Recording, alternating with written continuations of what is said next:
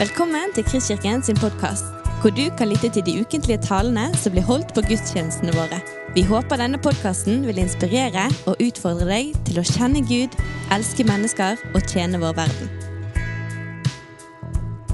Du, eh, en av grunnene til at jeg har på meg hvit skjorte i dag, det er fordi at vi har en 90-årsjubilant i forsamlingen.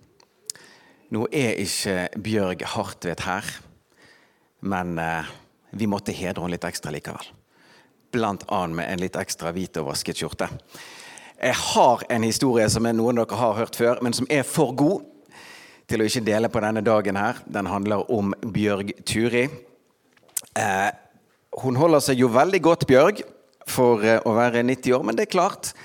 Hun eh, ser jo litt eldre ut enn andre.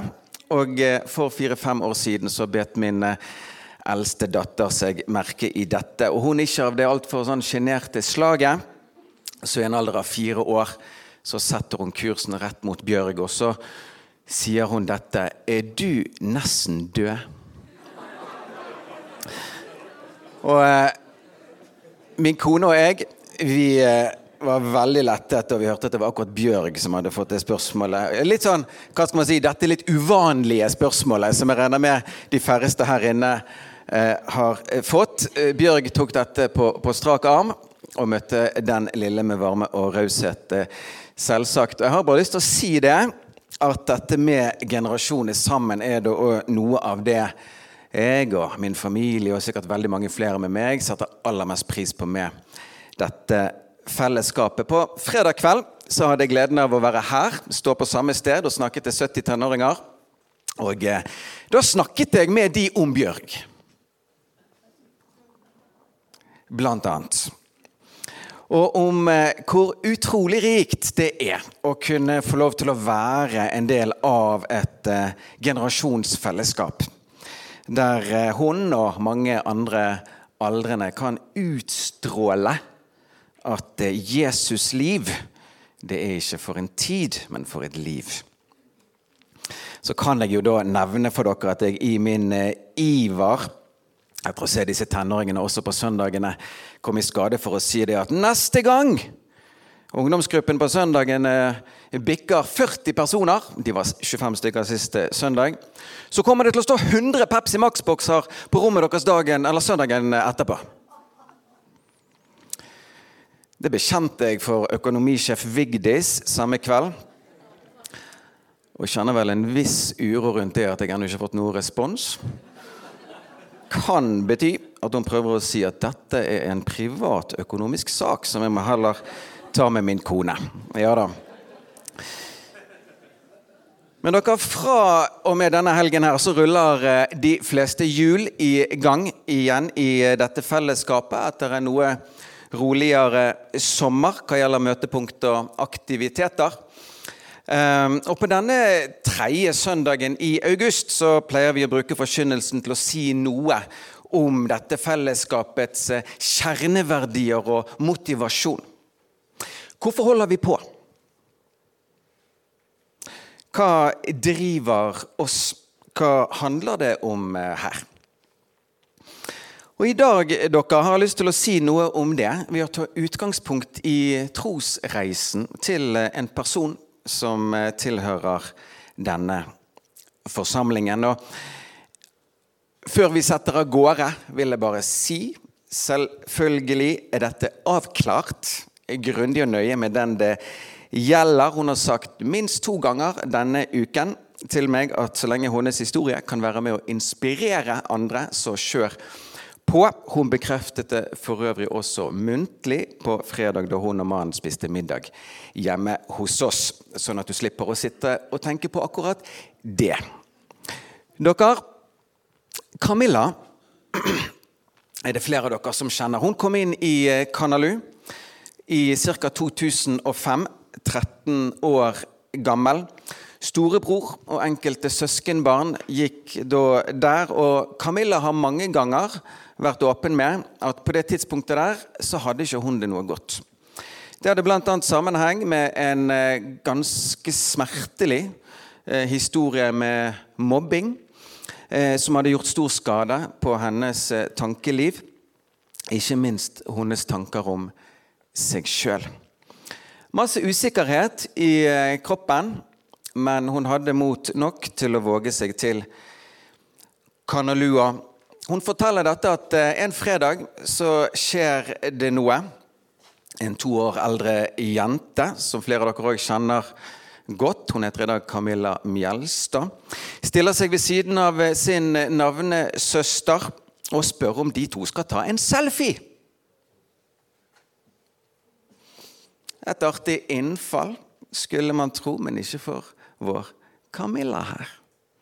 Det var første gang hun opplevde at noen spurte om det spørsmålet. For hun var ikke dette bare et bilde. For hun var dette bekreftelse. For hun var dette inkludering. Lang historie kort. Camilla finner et miljø. Venner faste treffpunkt, godhet, samtaler, ledere hun utvikler relasjon til og åpner seg for og får tillit til. Og jeg tror jeg skal driste meg til å fortelle dere en av eh, historiene fra disse årene. Um, for jeg ledet ungdomsmiljø da. Og jeg var en av de som Camilla fikk eh, tillit til. Og kanskje i meste laget, fant vi ut en eh, fredagskveld, begge to. Eh, da hun ba om min forbønn for et tannlegebesøk som skulle finne sted like over helgen. Hun skulle trekke en tann hun hadde vondt i og gruet seg. Uvisst av hvilken grunn så var jeg i et svært uhøytidelig hjørne idet jeg fikk denne henvendelsen og trygg på at hun kjente min humor på den tiden, sa jeg til henne du, eh, vi kan be, men akkurat når det gjelder trekking av tenner, så pleier vi bare å ta det her på Kanalu. Eh, vi har en stor kjøkkenkniv som vi pleier å bruke. Eh, så hvis du blir med meg ut på kjøkkenet så bare Og til min store forskrekkelse formidlet Camilla på tillitsfullt vis at hun var på en eller annen måte åpen for det.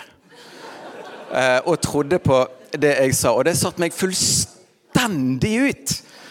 Og jeg tror både hun og jeg lærte litt om tillitsrelasjoner den kvelden på hver vår måte. Men det, uansett et lite uttrykk for noen relasjoner som utvikler seg, tillit som melder seg. Og det som skjer dere, det er at litt etter litt så begynner Camilla å åpne seg for Jesus. På en måte hun før ikke hadde gjort, henne et nært vennskap mellom de to begynner å ta form. Og han som kjenner hennes indre slik som ingen andre gjør, han begynner en møysommelig prosess med å trygge, bygge, styrke og helbrede hun. Hun erfarer Guds omsorg. Hun blir kjent med Hans ånd. Bønnens verden åpner seg for Camilla. Hans råd, røst, visdom blir tilgjengelig. Hun blir glad i Bibelen. Hun lærer om tilgivelse. Hans tanker melder sin ankomst. Sannheter begynner å sette og feste seg. Og frigjøring finner sted. Hun opplever hvordan Gud gir hun en ny, sunn, sann identitet. Og eh, møter dype ting i hennes liv som Hvem er jeg? Hvor kommer jeg fra? Er jeg villet? Har mitt liv en mening? Og dere, Med tiden så ser vi en jente som eh, helbredes og reises opp. Vi ser at huller blir tettet, og vi ser at en tankeutskiftning finner sted. Vi ser en jente som får et nytt sentrum i livet sitt, og mer og mer gir sin tilslutning til Davids bønn fra Salme 86, 11. Lær meg, Herre, din vei. Jeg vil vandre i din sannhet. Gi meg et udelt hjerte til å frykte ditt navn. Vi ser en jente som ikke bare har blitt Guds barn, men som får ta steg i det å leve som et Guds barn. Det utvikler seg en tillit. Hun ønsker, som dette verset får fram så bra, å leve livet i tråd med Hans ord, for hun merker mer og mer at Gud er god. En vi kan stole på. Akkurat her har jeg lyst til å gi et lite innsmett eh, dere fra den helt senere tid. Som er, ja, i mitt tankeliv satte veldig interessante ord på akkurat disse tingene. Her For noen uker siden så eh, var vi noen i familien som skulle på en multetur opp på Hardangervidda. Og eh, en av de som var med, han var ikke veldig bevandret i det området. Og etter at vi hadde gått noen eh, hundre meter, så passerte vi noen flotte multer. Pappa og jeg, som eh, viste vei den dagen, vi gikk rett forbi. Og han spør noe slikt som dette. Vi skal kanskje stoppe og ta med oss disse? Nei, sa jeg, vi skal til et annet sted. Og Dette gjentok seg noen ganger.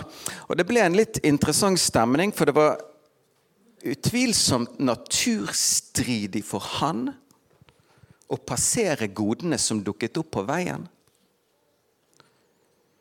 Men ok, han fulgte på disse losene i tillit til at vi skulle til enda grønnere gress. Og En tanke slo meg der på turen. Dette her er i grunnen et veldig bra bilde på vår vandring med Gud. Det er ikke alltid vi skjønner oss på Hans ord, Hans ledelse, Hans veier. Ting kan til og med kjennes naturstridig. Iblant tenker vi at vi kanskje vet mest, ser best og nærmest anbefaler han stoppested på ferden. Men han kjenner terrenget. Han har vært der før. Han vet hvor vi skal, og han sier, 'Bare stol på meg'. Stol på meg. Selv om det kanskje ikke føles sånn akkurat nå, så er jeg god mot deg. Jeg leder deg til et bedre sted, til noe enda mer fruktbart. Noe også denne dagens reisefølge fikk erfare. Men dere, ved Guds nåde, tilbake til Camilla, så fikk hun vokse i kjennskap til Gud. Hun fikk leve i nærkontakt med Jesus Kristus, og selvsagt så ble hun påvirket av det. Du vet, Noen liker jo å tenke at man ikke påvirkes særlig av sine omgivelser, som denne mannen som bodde like ved motorveien, og som en gang fikk spørsmålet om det på noe vis påvirket han. Nei, var svaret.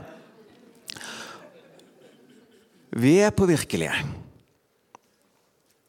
Og vi så jo på Camilla at ettersom hun over tid levde med Jesus, huller ble tettet, tankene ble fornyet, så skjedde det noe dypere med hun. Og kan jeg få si det på denne måten her, at en usikkerhet ble byttet ut med en uselviskhet. Frukt av Gud i et liv. Hun fikk en annen type kapasitet til å løfte blikket og til å se andre. Flere av dere husker gjerne dette fra Camilla sin ungdomstid. Men hun ble jo kjent som den store litt sånn oppmuntreren i miljøet. En som så det gode i andre og visste å sette ord på det. Og Som kjent så er denne type oppmuntring, oppmuntring svært tett knyttet til den profetiske gaven. Som i stor grad handler om å se og si. Og Camilla begynte etter hvert å vokse også i denne nådegaven fra Gud. Som gis noen til andres oppbyggelse. Og Mange ganger så opplevde vi dette, at eh, Camilla mottok ord og inntrykk som betjente på en dyptgripende vis. Sjøl fikk jeg erfare dette. I møte med Camilla i mine siste år som ungdomsleder så var jeg gjennom noen veldig krevende personlige prosesser. Og ved flere anledninger opplevde jeg at Camilla ved sine malerier eller tegninger eller ord betjente på merkverdig vis prosessen jeg var i. Noen ganger var det direkte bærende gjennom dalene. Noen av ordene var så kirurgisk presise, jeg har noen av tegningene enda, at det ikke levnet tvil for meg om hvem som dypest sett var dette, si, dette ordets avsender. Umulig for hun å kjenne til detaljene i det som fremkom. Dere, Camillas hjerte ble forvandlet etter omgang med Jesus over tid. Hun ble gitt mer og mer å elske andre. Fordi Jesus hadde elsket hun først. Og fra å være en som hadde store behov, ble hun en som ønsket å møte store behov. Hun ville gi, hun ville hjelpe, hun ville tjene andre å tjene vår verden. Camilla ville bli jordmor i Afrika. Og jordmor er hun blitt. I Afrika har hun vært. Tett på Heidi Baker og co. i Mosambik. Og her er Camilla. Skal ikke vi ta voksenreisen hennes nå? Det er mye der også, som flere av dere vet, men her er hun. 31 år gammel i dag, for tiden boende i Sandnes med en særdeles god ektemann. Og et kjapt innsmett fra fredag ettermiddag sammen med vår eldste datter og Camilla sitt fadderbarn. Dere, Camilla Oi. Camilla sin historie avdekker et mønster som veldig mange Jesus-troende kan kjenne seg igjen i. Man får et møte med Gud. I omgang med Han så omdannes man til mer og mer likhet med Han. Man får en kjærlighet til andre, og man får lyst, som Jesus, å tjene verden. Og Dette danner på et vis et mønster for disipler. For etterfølgere av Han. Som vi finner mange steder i Skriften. For å bare trekke ut tre av de jeg først kom på. Peter lærer Jesus å kjenne for et hjerte som elsker og vier sitt liv til uselvisk tjeneste. Saulus, som får et møte med Jesus, lærer Gud å kjenne Tankene forvandles. Et nytt hjerte i mannen. Til og med et nytt navn. Og han vier sitt liv til uselvisk tjeneste. Maria Magdalena. Hun får et møte med Jesus. Hun helbredes.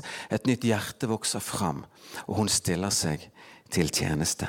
Og dere, dette mønsteret her Kjenne Gud. Elske mennesker.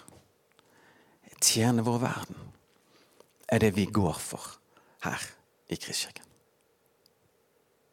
Det er det vi ber om. Det er det vi tror på, det er det vi arbeider for. Menneskers møter med Jesus og hans forvandlingskraft. Som med tiden gir et helt nytt sentrum. Derav nye hjerter. Der man istedenfor å hente til seg sjøl søker å tjene andre, der man istedenfor å utnytte, søker å være til nytte. Noe av dette verset i Efesene 4 får ypperlig fram hvordan Gud tar noen fra å være litt sånn type konsument til produsent, for å bruke litt sånn type begrep på det. Men den som stjal, må ikke stjele lenger, men heller arbeide og gjøre noe godt med sine egne hender, som kan ha noe å gi til den som trenger det. En snuoperasjon i noen liv finner sted i møte med Jesus. Kjenne Gud, elske mennesker, tjene vår verden. Der det første punktet, kjenne Gud, er kjernepunktet. Usammenlignbart alt annet. Det blir ikke større enn det. Kan ikke bli det. For hva er større enn Gud? Jeg har lyst til å si det at det er mange forbilledlige folk rundt oss som elsker mennesker og tjener vår verden uten å kjenne Gud. Masse folk i den kategorien som jeg kan beundre og se opp til og lære mye av. Men i henhold til Skriften så er å bli livets dypeste mening å leve det med Gud.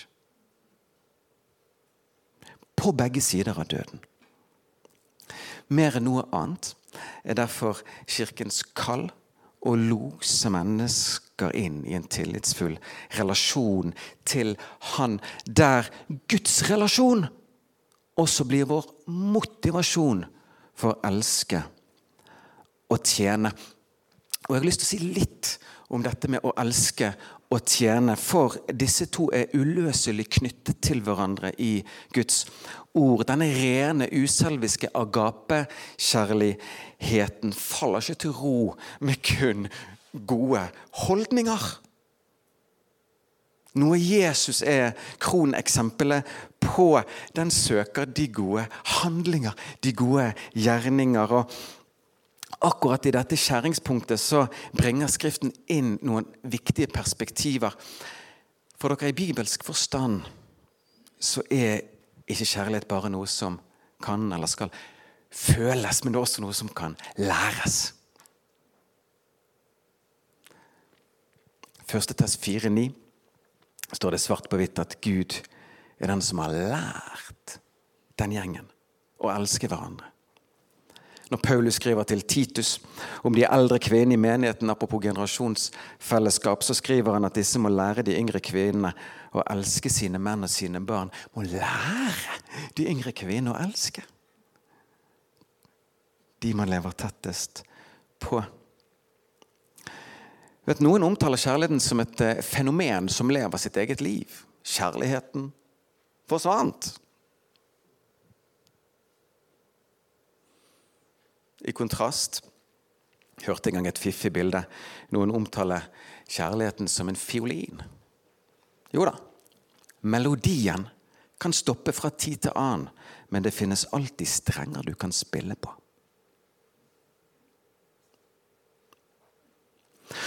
Og dere, Noen ganger så går òg handling foran holdning. Det sier noe om hvordan disse to her henger veldig, veldig tett sammen og hvordan gjerningene våre kan gjøre mye med hjernene våre eller hjertet vårt. Mor Teresa tok tak i dette med de gode gjerningers verdi, og at disse ikke var for avhengige av følelsene som noen fulgte med. Hvis du ikke kan gjøre store ting, sa hun, så gjør små ting med stor kjærlighet. Hvis du, hvis du ikke kan gjøre det med stor kjærlighet, fortsatte hun, så gjør de med litt kjærlighet. Og hvis du ikke kan gjøre de med litt kjærlighet, så gjør de små tingene likevel. Dere kjenner Gud vil alltid være kjernepunktet. Men i dette med å elske, lære å elske, lære å tjene, så kan vi òg lære av hverandre her. Og Jeg har flere ganger nevnt denne episoden her fra denne talerstol, eller på denne talerstolen, men den gjorde så sterkt inntrykk på meg at jeg har lyst til å ta den frem også i dag. Og Det var nettopp en her i forsamlingen som sto for læringen denne gangen. For en del år siden skulle jeg ta bussen fra Sandsli mot byen. Jeg satt meg rett bak en tydelig vanskeligstilt dame. Ruspåvirket var hun der hun satt. Hun satt med en flaske rødsprit i hånden sin og skapte både uro og ubehag i den delen av bussen der vi var. Jeg satt altså på setet rett bak henne, og plutselig så snur hun seg mot meg, setter øynene i meg, og så sier hun nærmest snerrende Plager mitt nærvær deg? Nei, svarte jeg. Det gjør det ikke. Er du kristen? spurte hun. Ja, sa jeg. Kjenner du Stig Magne Heitmann? sa hun. Ja, sa jeg. Jeg kjenner Stig Magne. Han pleier å komme hjem til meg og vaske leiligheten min.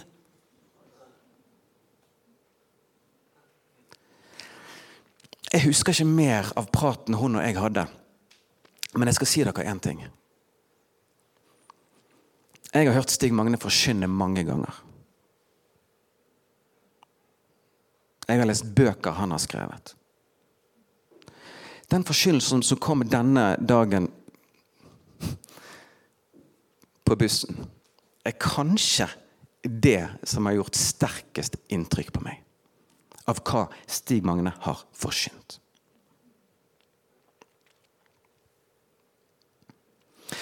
Og det skjedde gjennom noe så jordnært og noe så tilgjengelig som husvask. Så trenger vi altså ikke å være like teologisk innsiktsfulle, retoriske genier, beleste kvinner og menn. For å kunne forkynne evangeliet på kraftfullt vis. Vi kan forkynne med vaskekluter. Med romslige tilhengere.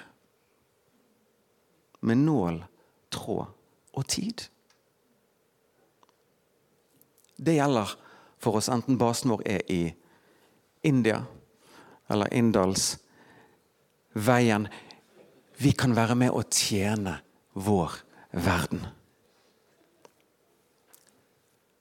Heidi Baker igjen. Not everyone can preach, but everyone can love. Kanskje føler vi oss ikke alle sammen som talere, men alle er vi forkynnere der vi er i vår hverdag. For å sitere salmist Mathias ordheim. Heim og hall kan vigsles til kirke, Kjøkenkrå Kjøken, krå og handelsbu. Kan vi få være med, som Jesus, og tjene og bygge individer og samfunn? Så for å runde dette av Hva er vår motivasjon? Hvorfor holder vi på? Hva er det som driver oss? Sånne historier som Camilla får jo fanget essensen på vakkert vis. Flott å kunne få løfte hånd fram på en sånn dag som dette. Men dere, vår lengsel er jo dette at kristne skal få bli nye. Gjennom at vi får kjenne Gud. Sånn her ringvirkningsliv ut fra dette kjernepunktet kan få finne sted. Kristenliv er ringvirkningsliv. Men så ivrer vi også veldig for ikke bare at kristne skal bli nye, men at nye skal bli kristne.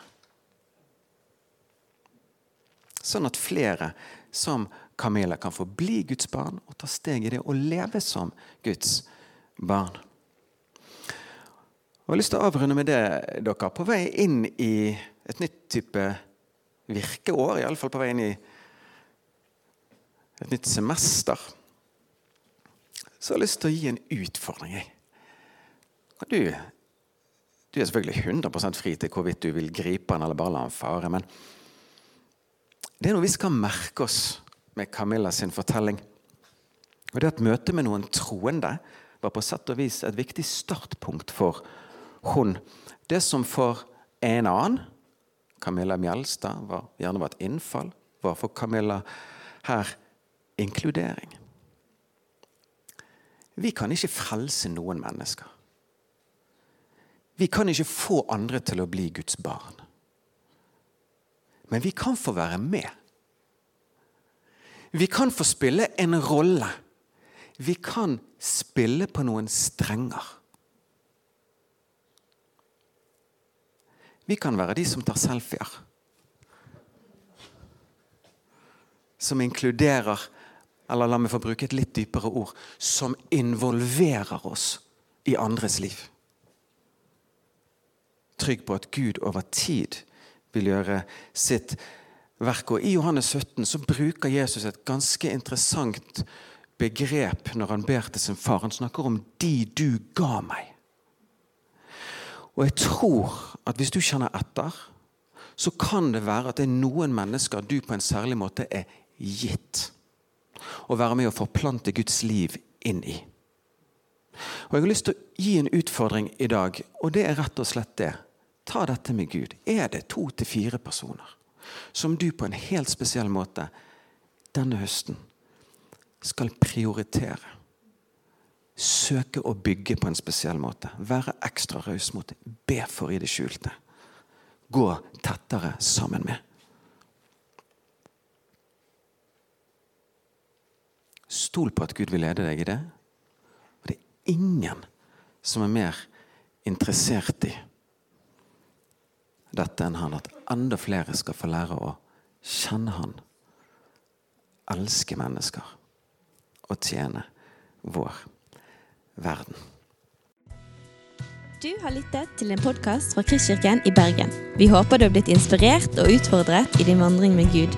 Vil du vite mer om oss, så klikk deg inn på kristkirken.no.